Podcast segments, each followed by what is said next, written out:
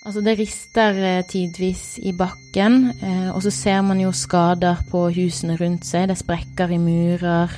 På et tidspunkt så måtte vi òg kjøre over en 20 cm bred sprekk i asfalten. Det ryker òg fra kumlokk langs veien, og det er oppstått synkehull på, på flere steder i Grindavik. Det er slike bilder min kollega Adriane Lilleskare Lunde ser på Island nå. Fredag sist veka så begynte bakken å riste under den vetle islandske fiskebyen Grindavik. Nå er alle de nesten 4000 mennesker som bor her, evakuert. For slike skjelv det er et varsel om at snart kan det komme et vulkanutbrudd. Og dette er jo et uh, vulkanutbrudd som kan komme når som helst. Det kan komme om noen dager, det kan komme om noen timer. Det kan hende at det ikke skjer i det hele tatt. Men skjer det, vil det bli katastrofalt for den vesle byen. Du hører på Forklart fra Aftenposten, en podkast der vi forklarer én nyhet i hver episode. I dag om vulkanen på Island. Jeg heter Anders Weberg, og det er onsdag 15. november.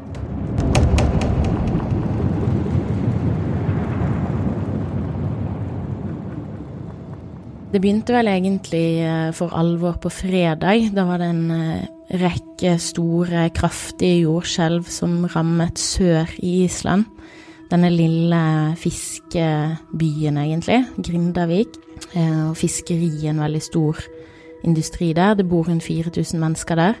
Og på fredag så, så ble de altså rammet av flere hundre jordskjelv, som opplevdes veldig skremmende for de som, som, bodde der. De fikk beskjed om å evakuere på veldig kort tid. Eh, de fikk eh, ja, minutter på seg omtrent til å forlate husene sine, bilene sine, eh, hjemmene sine, livene sine, egentlig. Politiet tømte egentlig bygden da, i løpet av natt til lørdag. Og grunnen til at alle disse måtte flykte fra heimen sin så raskt, det handler jo ikke nødvendigvis om jordskjelvet som har vært, men om det som kan skje. Hva er det egentlig en frykter her?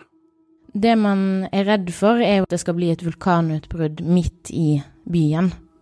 Island har jo hatt eh, vulkanutbrudd eh, tidligere, men da er det Mange av de er jo langt fra befolkningen, langt fra mennesker, langt fra dyr. Det som er spesielt denne gangen, og som gjør det så skummelt, er at det kan skje midt eh, der folk lever og bor. Hvis du ser for deg Island, så er det en forholdsvis liten, rund kladeis med noen spisse utvekster som ligger på venstre side. Den nederste av disse spissene den kalles Reykjaneshalvøya.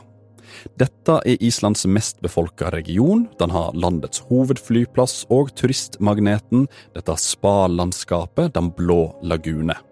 Og det er her den vetle byen Grindavik også ligger.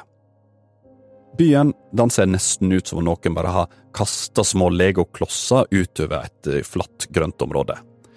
Bak så reiser det mørke fjellet seg opp, og det er i dette området at jorda har rista jevnt og trutt de siste dagene etter alle disse jordskjelvene, så ser det ut som at noen har tatt ei stor sag og bare skjært seg gjennom det grønne landskapet og asfalten som ligger der.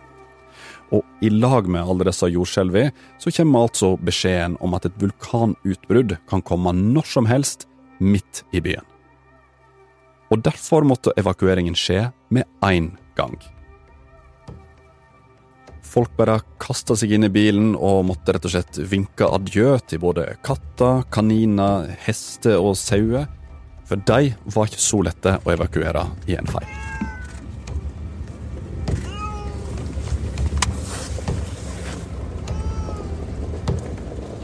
Det er derfor de nå står i, i meterlange bilkøer for å forsøke å bli eh, skysset ned og får gjerne fem minutter ekstra da, til å hente ut det de kan, før de eh, må skynde seg ut igjen av byen.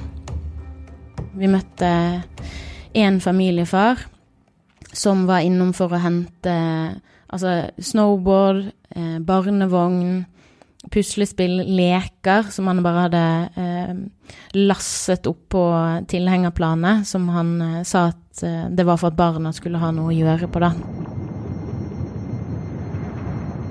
Dette er ikke første gang at vulkaner har skapt trøbbel på Island. Historien her er ganske lang. Et av de mest katastrofale utbruddene skjedde den 23. januar 1973 i øygruppa Vestmannajar. Litt etter midnatt så åpna jorda seg rett utfor den vetle byen som ligger der. Lavaen spruta opp fra bakken, og over 400 hus ble knust og dekka av smelta, rødglødende stein. Vulkanutbruddet det varte i over fem måneder, og heldigvis så mista ingen livet den gangen, men alle de 5000 som bodde på øya, ble flyktninger i sitt eget land. Nå er frykten at et utbrudd ved Grindavik kan bli enda verre. Og den tanken sitter langt framme i panna til de som nå har flykta. De eh, fokuserer vel først og fremst på å få dagene til å gå. Mange som har barn, sier at de begynte å tenke på eh, hvor de skal få gå på skole. En slags midlertidig løsning, gjerne der de kan kjenne flere.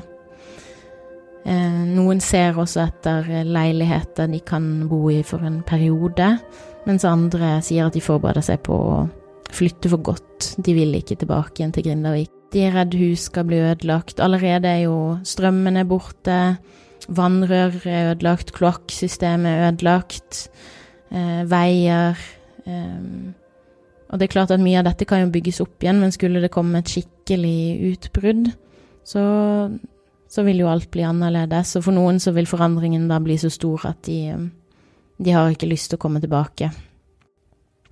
Men, men vi har òg møtt mennesker som, som sier at eh, de vil hjem igjen samme hva.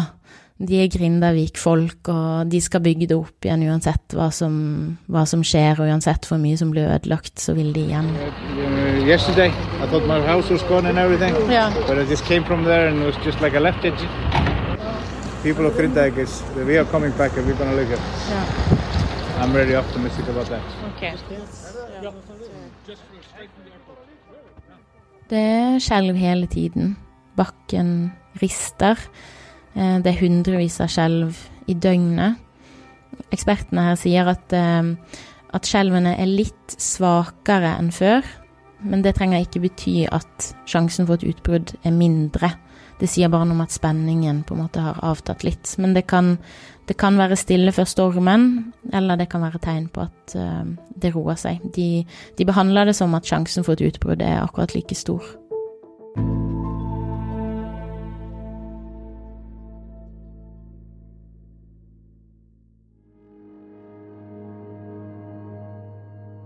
Ja, ja. Eh, mitt navn er Børge Johannes Vigum. Eh, jeg er utdanna geolog. Og jeg jobber i et firma som heter Heidelberg Materials. Det er morselskapet til bl.a. Geologen Børge her, han bor faktisk på Island. Og det viser seg at dersom du er geolog på Island, så er du på en måte i godt selskap. Folk er jo ganske opplyst om geologi. Jeg tror geologikunnskapen til islendingene er vel jevnt over eh, veldig bra. Og så nyter vi jo godt av eh, vulkanismen, da, eller geotermal. Vi har jo så å si nesten gratis varmvann, så eh, vi driver ikke og regner på hvor, hvor mye et kvarter i dusjen koster, for å si det sånn.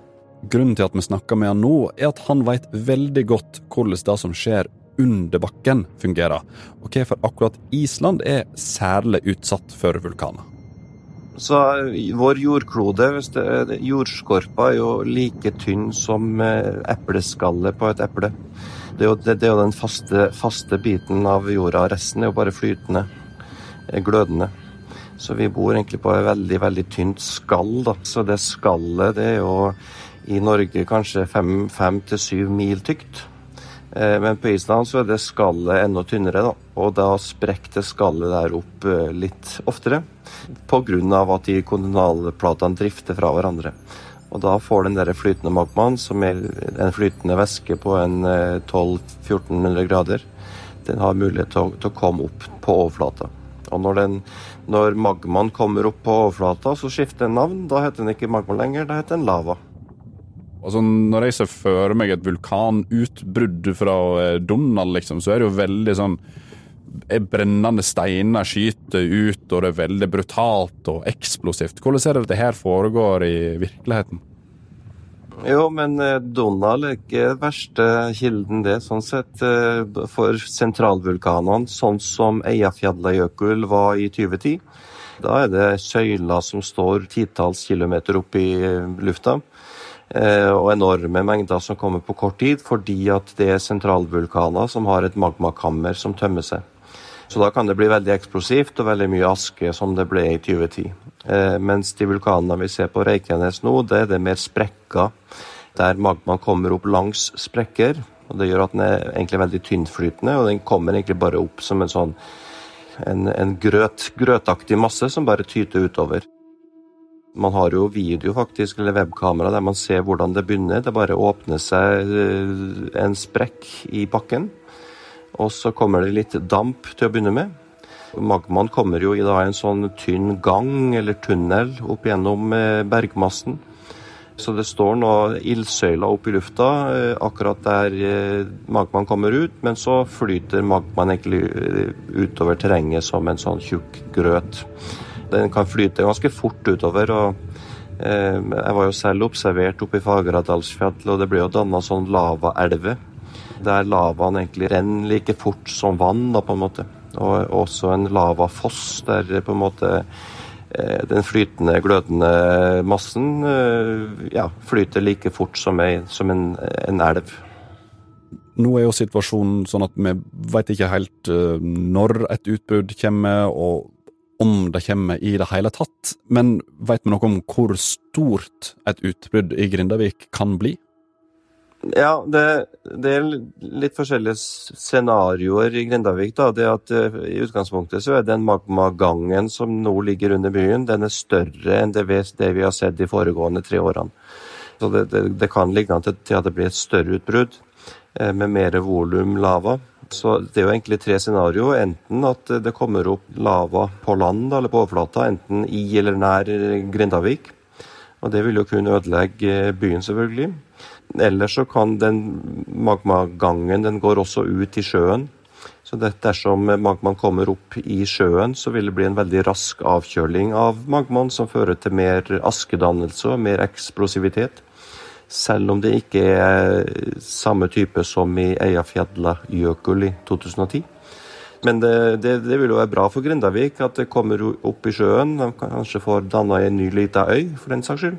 Men det kan bli litt lokalt litt utfordringer med aske. Eh, ikke globalt som i 2010, men lokalt. Eh, og så er jo tredje scenario som er veldig viktig å poengtere, at det kan jo være at den magmagangen som nå er på vei opp, og at den bare ikke har nok kraft i seg til å komme helt overflata. Og da vil jo den bare stoppe opp, og så vil eh, den størkne og, og bli bare størkna, og da, da skjer det jo ingenting. Og, og i det scenarioet så kan folk flytte tilbake til Grindavik og leve livet sitt normalt, eller? Eh, ja, men eh, det vil jo ta noen uker før man på en måte har en sikkerhet på at den magmagangen har stoppa opp. Eh, og så er det også det at som sagt, Reikenes har vært nå i en sånn sovende fase i 800 år.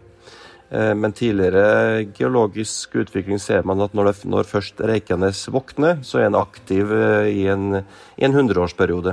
Så selv om det, det det her eh, utbruddet stopper nå, eller det skjer ingenting, så vil det i det nærmeste år, tiår og kanskje 100 år eh, skje en god del utbrudd på Reykjanes. Så det, det er jo en utfordring eh, på lengre sikt.